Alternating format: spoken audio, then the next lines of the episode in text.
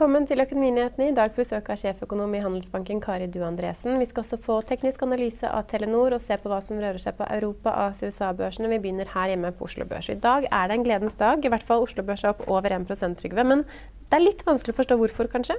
Ja, altså Om det er en gledens dag, vet jeg ikke. 1% er 1 Og eh, markedene i Europa også opp 1-1,5 De starter også da opp ganske positivt i USA akkurat nå, samtidig med oss. Eh, så det er noe som rører seg i markedet. Eh, om det er at uh, diskusjoner om rentekutt eller andre ting, eller sentralbankenes atferd, det skal vi snakke om etterpå, kanskje. Men det du men, men refererer til, er vel at den europeiske sentralbanken har signalisert at det ikke kommer noe rente Ja, Vi kan ta det etterpå en ekspert når det kommer. Men Det kan være, kan være mye, mye, rart som er i markedet. Men det som normalt gir en sånn liten dytt i markedet, det norske markedet, er jo da oljeprisen. Og den har da faktisk da tendert litt ned. Ikke mye, rundt en halv dollar per fat. og og brentoljen ligger på 60 pluss et eller annet, ikke veldig mye. Og også lettoljen er litt ned. Så det, oljeprisen på en måte er flat. Og det skyldes også at det er masse rykter om at OPEC ikke skal bli enige eller skal bli enige. De allerede er blitt enige. Uh, og at, uh, at Saudi-Arabia vil kutte, og at andre ikke er så keen på kutt osv. Det er et uklart bilde. da. Men uh, diskusjonen da om OPEC vil gjøre noe eller ikke, den er der. Så det er litt usikkerhet om oljeprisen. Men likevel så er da de to typiske oljeaksjene vi har, Equinor og Aker BP, det er opp der rundt halvannen og to prosent. Så det er sikkert noen som er litt overrasket over det når oljeprisen faller. Men kan det være Vi vet jo at eh, USA sender over 1000 tropper til Midtøsten, eh, og at det er en oppskalering av spenningen mellom Iran og USA? Ja, det er kanskje Det har vært ganske, ganske tens ganske lenge, da. Så det er, det er ikke noen spesiell opp, eh, opptrapping nå utover det at mange at tror At de sender 1000 tropper, da? Jo, ja. Men, men, ja, men det, det, er mer, mer, opptrapping av konflikten hvis det er Iran som har skutt på de tankskivene Altså de seks som har vært utsatt hittil, de to siste. Det er en opptrapping. Og det er en, opptrapping, en alvorlig opptrapping. Jeg skriver litt om det i Finansavisen i dag. Det er en veldig alvorlig opptrapping hvis da Iran skal føle seg så presset av at de ikke får lov til å eksportere olje, som er deres livsgrunnlag, det er statens hovedinntekter. Hvis de føler seg så presset at de liksom må gjøre noe, så at de da stenger Hormuzstredet, det er en alvorlig opptrapping. Det er en stor opptrapping. Og da kan vi få krig mellom Iran og USA og de som samarbeider med USA. Og så vil oljeprisen gå til himmels, for det da vil da ikke komme ut de 18-20 millioner fat som daglig kommer ut gjennom Hormuzstredet. Det ville være veldig alvorlig. Hvis oljeprisen går til himmels, så, så har ikke folk råd til å kjøpe den. Og så går etterspørselen ned, så går veksten ned, så går handelen ned. Så da, det er en skikkelig alvorlig situasjon, men vi er ikke der nå. Selv om markedet i dag Amerika åpnet pent opp, og selv om da markedet i Oslo er pent opp, så er det ikke, så er det, ikke, det, er ikke det som styrer oljeprisen. Det er på en måte ikke helt så spennende i, i dag. Men vi har et annet kjempespennende sak i dag. Ja, da kan du fortelle oss om det. Fikk ikke du med deg det? Tenker du på fusjonen mellom eh, Evry ja. og Tieto? Ja, for Evry er et IT-selskap. og da og der er da et, De skal da bli fusjonert eller kjøpt opp av et fint selskap. Jeg kan ikke detaljene, men poenget er i alle fall det at det, eh, finnene overtar. Og de gjør opp da mot e-, egne aksjer pluss et kontantbeløp. Og det er ganske matematisk riktig. Det ligger på 35-36 kroner. Og der er også kursen gått. og da marked, Så markedet for den aksjen er da opp en 18-20% eller sånn, som er lik, lik tilbudet som, alle, som er kjent. Og Da vil det bli falt ned på det, det beløpet. Hvis man ikke tror at det, stiger akkurat 17% Ja, og det er lik den kursen som det er sagt. Både da kontantvederlaget og da antall aksjer de får 0,0 et eller annet. Så, så, det stemmer. Men hadde da på en måte markedet ikke trodd at det ville bli noe av, så hadde de ikke vært villige til å betale 35-60 kroner i markedet i dag. Men det er en annen aksje som vi også snakket om i går, Dolphin Drilling, som er opp nye 17 i dag. Ja, det er en av mine favoritter. Fordi at det, 19 akkurat nå. Ja, og det, det er veldig lite volum. 3-4 millioner kroner. Og det er det gamle Fred Olsen Energy-selskapet, som da gikk, gikk, veldig dårlig med å tapt utrolig med penger, og som da ikke har klart å fornye flåten. Og brukte de pengene de hadde, eh, kredittfasiliteter og cash, til å ruste opp eh, riggene for noen år siden. Og det kom det ikke noe ut av. Og så bestemte da kreditorene seg, altså långivere, obligasjonseiere, for å ta over selskapet og gi blaffen i, i aksjonærene. Og selv da Fred Olsen, som da på en måte nok har ressurser, sa at nå gidder ikke vi være med mer, vi kaster kortene. Så kommer det krav om mer eh, penger inn, eller nye emisjoner, så blir vi ikke med. Og da, var, da tenkte jeg, de store kreditorene at da tar vi selskapet, og det har de gjort.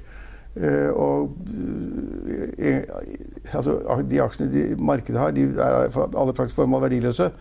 Men så fikk de en ordre her forleden med de gamle riggene sine. så fikk de en ordre, jeg tror det var Norske Skjell, som skulle gjøre dette til 2020 for 100 millioner kroner eller sånn, eller litt mer.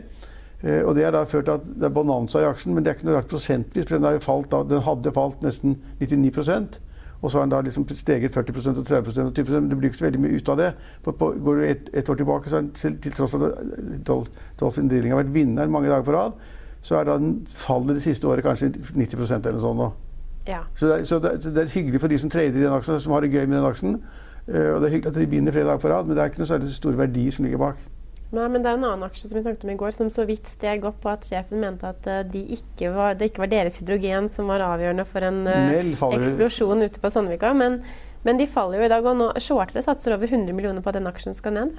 Ja, jeg kan ikke nok om det selskapet til å si hvor det skal gå. Jeg bare syns det er ganske skummelt med den del hele tiden. Det er jo ikke fleipet med, da, for det er litt tendensiøst, men vi har sagt det mange ganger at det er litt skummelt med Nell. For det er liksom, kan det eksplodere noen gang? Har vi spurt mange ganger. Og da Folk flirer litt av det også, men det, det burde man ikke fleipe med. For da gikk jo da Nell-anlegget Sandvika i lufta, og så har man da ikke helt funnet ut hva som skjedde. Man har funnet ut at det var en beholder som sto under stort trykk, og som det var en lekkasje i. Det er ikke bra. Men fremdeles, kunne det gått bra hvis man da ikke hadde fått et, eller annet som tente fyr på gassen. Og det, det, skjedde. Og da hele verden er da lammet. Ingen vil ha noe med hydrogen å gjøre. Det er ganske snart. Uh, Pga. én eksplosjon i Sandvika. Så det, at kursen faller, det forstår jeg godt. Og det kan godt tenke meg at hvis folk shorter den, så er det en ganske god shorting-kandidat. Ja, ned. Men da må man kunne mer enn meg. Ja, aksjen er i hvert fall ned 3,5 akkurat nå. Og Det er en annen aksje som også faller. Lavo TV, som, TV, som ikke er en sånn aksje vi snakker om så veldig mye, men de har fått et sånn overtredelsesgebyr av Oslo Børs på 300 000 kroner fordi de ikke har overholdt Innsideinformasjonsreglene. Ja, altså ikke informert ja. om innside på, i linje med det Jeg kan ikke selskapet i det hele tatt. Nei, kan du men, noe? Nei, men, men, du kan kanskje noe om Norwegian, som kom med tidenes eh, gladnyhet for sin egen del i dag, og som var med å puffe aksjen opp 1,14 Nei, jeg syns ikke det var tidenes gladnyhet. Det var ikke.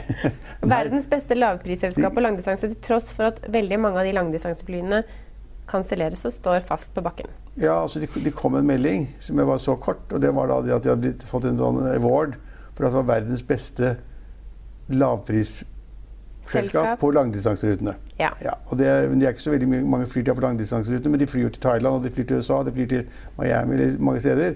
Men, men jeg, jeg innbiller meg at noen av de rutene blir fløyet med 737 maks 8. Og de 18 flyene de har står på bakken, så det var ikke tidenes good news for Norwegian, men jeg vet ikke om aksjen har gått opp heller. Jeg regner med at Trygve Hegnar eh, fortsatt forstår ironi. Ja, ja, ja. Ikke, ja. ikke mye, men Det er vel ikke så mange andre Det var ironi, ja. Det var litt ironi der på tampen, men, men, eh, det var vel kanskje ikke så mye mer å nevne. For det aller spennende kommer jo nå som vi får med oss eh, Kari Du Andresen ja. i studio. Oljeprisen Brenton er nå opp 0,5 til 61 dollar og 26 cent. Dagsomsetning på Oslo Børs er 2,5 milliarder kroner.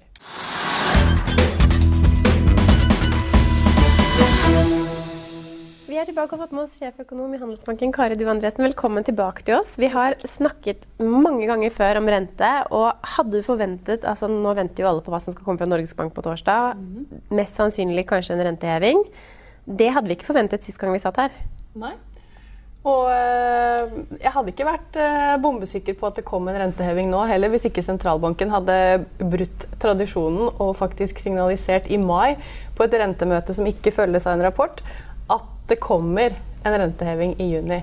Vanligvis på de møtene imellom så sier de jo ingenting. De bare holder seg til strategien. Men denne gangen så følte de altså behov for å varsle om at nå kommer den første rentehevingen, og den kommer i juni, og ikke i september, som var på en måte da den var fullt prisa. Men hva er grunnen til at vi får denne rentehevingen nå? Ja, det er jo veldig godt driv i norsk økonomi. Um, så Norges Bank benytter på en måte dette mulighetsvinduet, sånn som jeg ser det, da, til å sette opp renta nå før det er for seint. Uh, og, det, er, um, og det, er, det, går sterkere i norsk økonomi enn det de så for seg i mars akkurat nå. Uh, det sa jo også Norges Banks regionale nettverk, at veksten er kanskje litt sterkere enn venta, og utsiktene er tatt litt opp. Um, så sånn sett så tror jeg Norges Bank benytter det da til å jekke opp sin rentebane litt i front, sånn at de hever renta nå. Og så tror jeg også de varsler en renteheving til i løpet av andre halvår. Men dette her er du imot?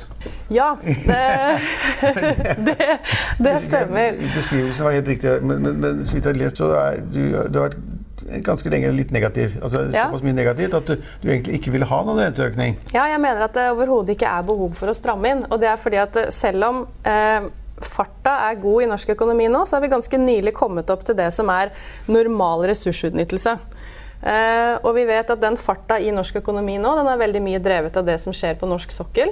For der er det en voldsom vekst i investeringene i år, men vi vet at den veksten den blir mye svakere til neste år. Ja, Men det blir vekst til neste år òg? Ja, det, det, gjenstår å se. Ja, ja, Det gjenstår å se. Det ene ja. er tross alt 2019, men, ja. men, men de, de, uh, men, som kommer fra prognosen, mm. er det at det ble kraftigere vekst i år enn man trodde. Mm. Og så ble det fall til neste år i forhold til utgangspunktet for 2019 blir det fall Ja. da i men det er likevel høyere da. Ja, da, altså Det kan godt hende at det blir eh, så vidt positiv vekst også til neste år. da. Men mitt poeng er at i år så går det veldig godt i norsk økonomi. Til neste år så tror jeg vi i mye større grad blir truffet av det som skjer internasjonalt.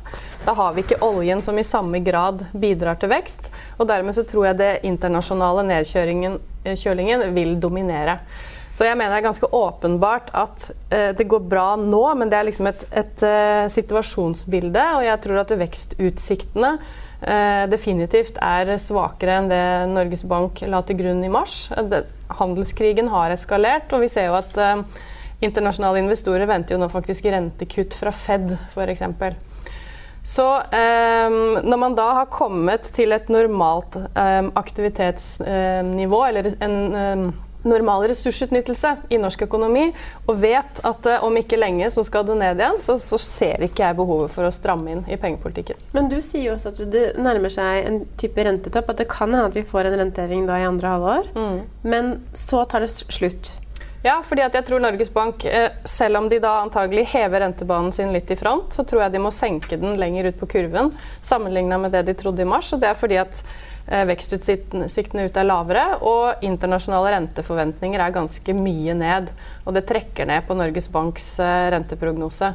Så jeg tror at banen er omtrent sånn ti punkter høyere i front og ti punkter lavere uti der, så den blir litt flatere. Eh, og det betyr at eh, det bare er en viss sannsynlighet for at det kommer en renteheving da, etter den jeg tror det kommer senest i desember.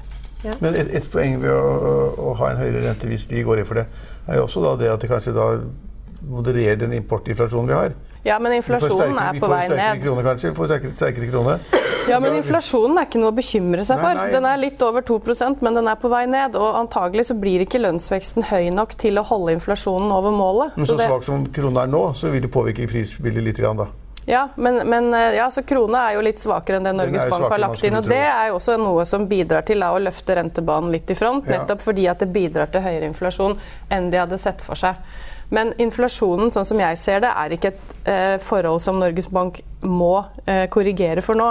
Inflasjonen er på vei ned, og lønnsveksten framover blir antagelig ikke så høy at den holder inflasjonen over målet. Så det er et forhold som også sentralbanken har lagt inn, at eh, inflasjonen kommer ned. Men vi hører jo alle snakke om Norge som annerledeslandet rentepolitisk fordi at vi setter opp renten, og så Ja. hører vi da at den europeiske sentralbanken de skal sette ned renten og avlyser og utsetter renten. I'll see you in court. Vi sier det ofte litt på spøk, men for deg som driver business, er det aldri moro å innse at du ikke har laget en 100% gyldig kontrakt. Du bør ikke risikere hele firmaet ditt fordi du synes dette med kontrakter er litt stress. En avtale er ikke en avtale. Du kan miste kunder, miste venner, ja, til og med miste inntekter om du ikke lager en skikkelig kontrakt, på alt mulig, egentlig. Men vi vet det er et styr. Kopimaskiner, treg printer og haugevis av papir. Dessuten stoler vi jo på folk her i landet.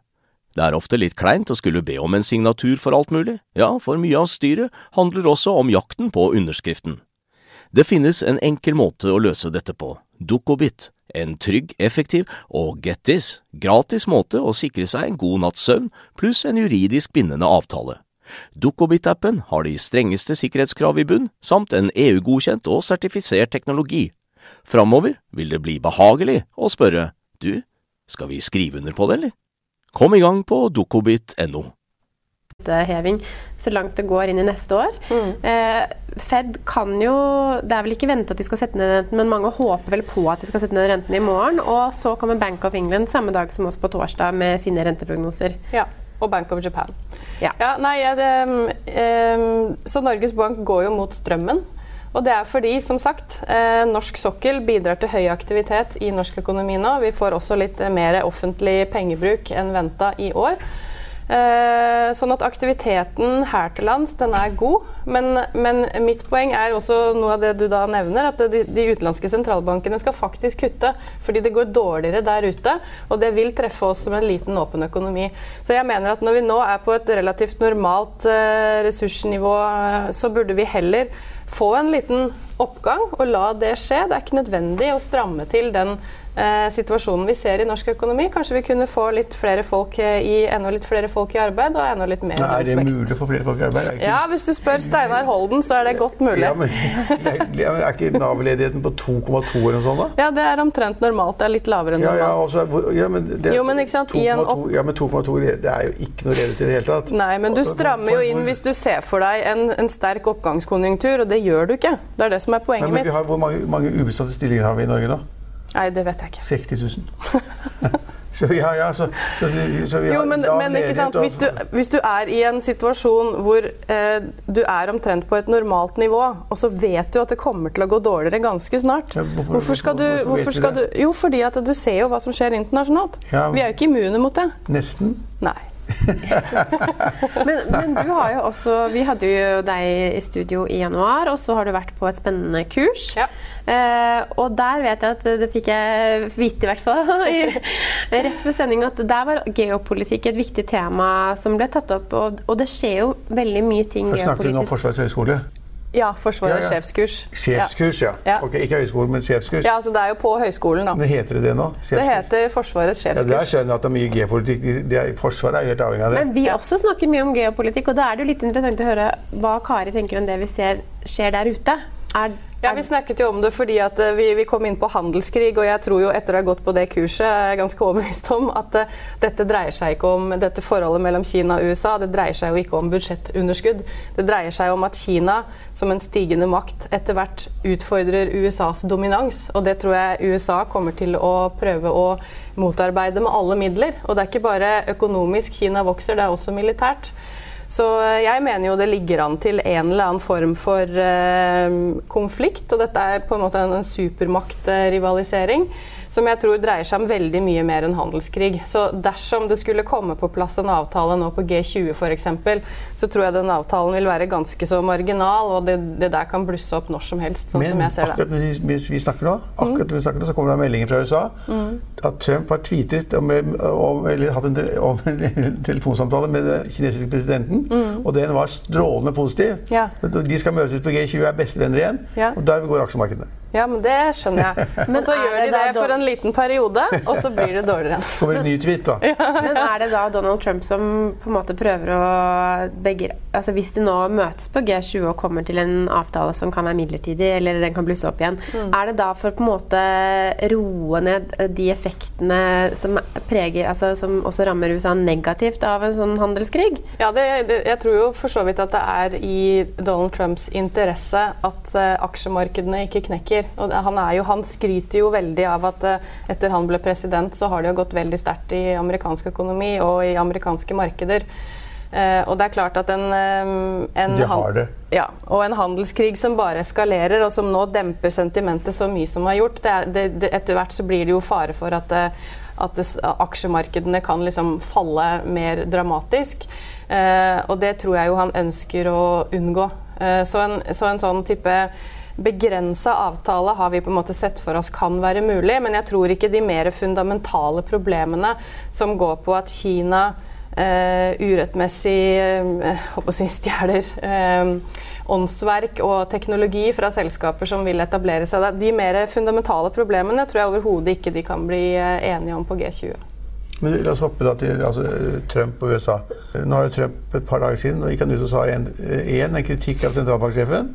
Og sa at han syntes ikke han gjorde jobben sin ordentlig. Han har sagt, før har han sagt at jeg skal styre ham, men nå sa han at han syntes ikke han gjorde jobben helt ordentlig. Eh, og det var et problem. Og, og, og, og så kom, da, svarte markedet, ja, kommentatorene sånn som deg og andre eksperter, sa da at det, det at han er så aggressiv og, og sier det, vil jo kanskje bety at sentralbanken i USA ikke øker renten, men faktisk setter den ned. Tar indirekte pålegg, eller indirekte hva man skal kalle det. Altså, Så sentralbanken setter renten ned, og det trodde vi ikke for noen måneder siden. Nei. Nei, altså det er jo rentemøte i Fed i morgen, og vi får jo beslutningen klokka åtte er det vel i morgen kveld. og eh, du, du var inne på hvor mange som venter på rentekutt nå. Jeg så før jeg dro hit at det er ca. 20% som venter rentekutt i morgen. Eh, Men det er men så er det er det ganske rått, da? Vi går tilbake noen måneder bare, så var det liksom Hvor mange ganger skulle Fed, Fed øke? Ja. Tre eller fire ganger? Ja, så Du kan ikke avskrive det fullstendig. Jeg tror nok det er altfor tidlig. Men hvis du ser på i juli, da, så er det jo prisa over 80% sannsynlighet for et kutt. Så det man sitter og venter på nå, er jo at Fed om eh, noe skal signalisere lavere renter framover.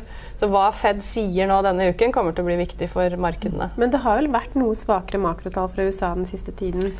Ja, men det er ikke først og fremst de harde tallene som er uh, dårlige. Uh, hvis du ser på Atlantas uh, BNP-tracker f.eks., så indikerer den en annen kvartalsvekst på 2,1% som ikke er så verst.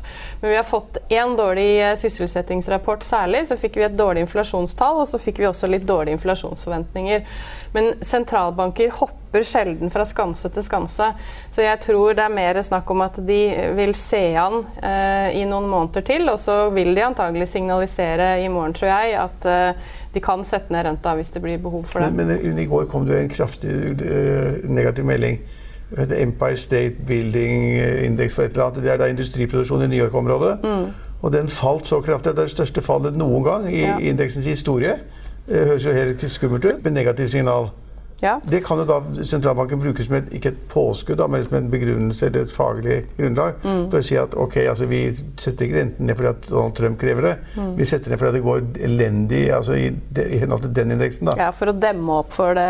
Ja, det, det, det er en mulighet. Jeg, disse regionale indeksene er jo mye mer volatile enn den nasjonale ISM-en. Så kan hende at de velger å få litt mer data. Jeg tror kanskje det. Eh, men eh, ja, jeg tror at de kommer til å legge an en veldig sånn myk tone for å prøve å roe ned markedene. Men la, nå går det jo her hjemme, så det, blir det veldig spennende på torsdag. Vi venter jo da en renteoppgang, men da blir det den høyeste renten vi har hatt i Norge. Er det på fire år? Å oh, ja, det husker jeg ikke helt. Men uh, ja, vi kommer jo opp til 1,25% da. Eh, og så tror jeg som sagt vi kommer opp til 1,5% i løpet av andre halvår.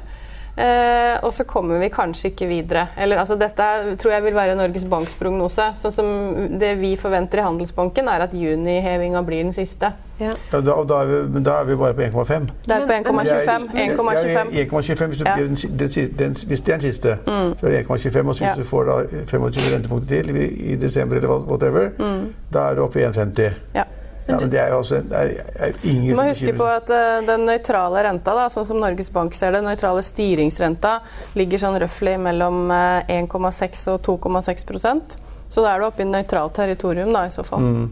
Men når du sier det er jo ingenting, mm. når Nei. begynner det å bite for norske husholdninger at man får den rentehevingen? For mange har jo kjøpt bolig på mm. ganske Vi skal ikke lenger enn til 2016 hvor boligprisene i Oslo var skyhøye, og vi, de har jo fortsatt å stige. Ja etter det? hele Norge, inkludert de som bor i Oslo, kan nå låne penger hos de fleste banker i Norge for 2% eller 2,2 eller noe sånt. Og du, og du, du kan binde, Jeg tror du skal litt høyere enn 2,2 Den lavere rente enn flytende. Nei, altså. ja, du, du, sånn røftlig så legger du på 2 prosentpoeng på styringsrenta, ja. så får du boliglånsrenta. Ja, så da er du ganske det, mye over 2,2 ja, da, Det vi så på med case er du 3,5, men det er, det er heller ingen høy rente. Men hvis du ser på, vi, vi, på, eh, vi gjorde en sånn analyse på dette her på Norges Banks rentebane i desember. og Da hadde de opp til 2,25% tror jeg det var. og så du, så Si du får en boliglånsrente på ca. 4 da. Da er du på samme gjeldsbelastning eller rentebelastning for norske husholdninger med den gjelda de har nå, som de var eh, omtrent i 2008. Da, renta var, da var jo styringsrenta på nesten 6% Ja, da hadde man vel 7-80 ja. Så du, det er klart at med, med all den gjelda, så, så, er det, den er mye tyngre å bære selv på lave rentenivåer. Mm. Ja. Ja, men, det, ja, ja, men jeg tror, det jeg tror ikke sant, altså, i forhold til boligmarkedet og sånne ting, og også det der å, å ta på seg mer lån, det er at renta har jo falt i 30 år. Så jeg tror folk har blitt vant til at renta bare blir lavere. Så jeg tror det i seg selv, at renta har nådd bunnen og litt på vei opp, det er en sånn psykologisk faktor tror jeg, som bidrar til å bremse kredittveksten. Det er helt enig, et godt poeng, men, men, vi må ikke glemme at vi alle har fradrag for rentene i selvangivelsen. Staten betaler en fjerdedel eller sånn. da. Ja, men du ser jo på kredittveksten. Den har jo gått veldig ned siden disse nye reglene kom på plass. De ser jo ut til å funke. Og så tror jeg også det har hatt en effekt det at sentralbanken har varsla at rentene skal litt opp. Ja. Så da i morgen, nei, torsdag venter vi renteheving. Hva tror du kommer fra Fed i morgen? Jeg tror de holder pengepolitikken uh, uendra, men varsler at de kan kutte renta framover uh, hvis det trengs. Og Bank of England, det er fortsatt spennende med uavklart brexit? Ja, så der skjer det ingenting. Men jeg har sett at noen analytikere spår at det kanskje kan være en uenighet i komiteen. De stemmer jo, og så blir det publisert hvem som stemmer for og eventuelt imot. Uh, jeg, jeg, vet ikke om jeg tror det er så betydelig, tross alt, fordi at Bank of England kommer ikke til å gjøre noen ting før de vet hva som skjer med brexit. Og det, det, vet vi ikke enda. Men det er klart at uh, med Boris Johnson som en sannsynlig arvtaker etter Theresa May, så mener jeg jo at sannsynligheten for en hard brexit, uh, eller brexit uten en avtale, definitivt har økt. Ja. Mm. Og det gjør jo antagelig Bank of England enda mer tilbakeholdende med å skulle stramme inn i pengepolitikken. Men, men, men, men, så kommer meldingen der fra den, den europeiske sentralbanken, ja. Draghi, som sa mm. at Jeg har bare sett overskriftene, så jeg har ikke lest uh, Overskriften sier at han sier at nå må man regne med nye lettelser og lavere renter og Ja, Det han sa, var at eh, hvis, hvis, det ikke bedrer seg, hvis ikke utsiktene bedrer seg, så må det mer ekspansiv pengepolitikk ja, til. Og det fikk aksjemarkedet. Ja, og da er det både rentekutt og QE på menyen. Ja. Mm.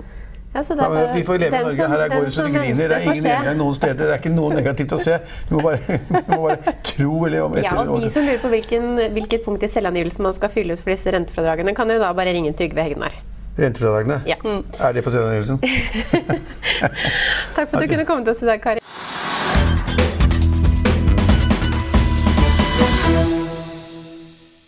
I Finansavisen i morgen kan du lese Trygve Hegnars leder om at SVs partileder Audun Lysbakken mener at det er absurd at svenske SJ får drive i Norge. At Nordea ansatte 40 nye robottrenere, og at fondsfinansforvalter Arne Simonsen tror kyllingkjøtt og automatiserte hagearbeid er gode investeringer fremover. Vi minner om at du også kan høre vår pod. Hegnar-podden finner du på iTunes, Spotify og Soundcloud.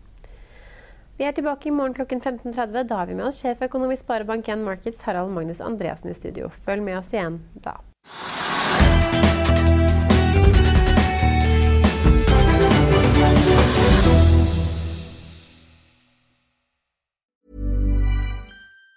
Even on a budget, quality is non-negotiable. That's why Quince is the place to score high-end essentials at 50 to 80% less than similar brands. Get your hands on buttery soft cashmere sweaters from just 60 bucks, Italian leather jackets, and so much more. And the best part about Quince, they exclusively partner with factories committed to safe, ethical, and responsible manufacturing. Elevate your style without the elevated price tag with Quince. Go to quince.com slash upgrade for free shipping and 365-day returns.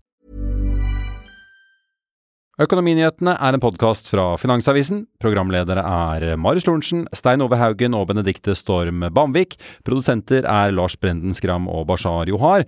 Og ansvarlig redaktør er Trygve Hegnar.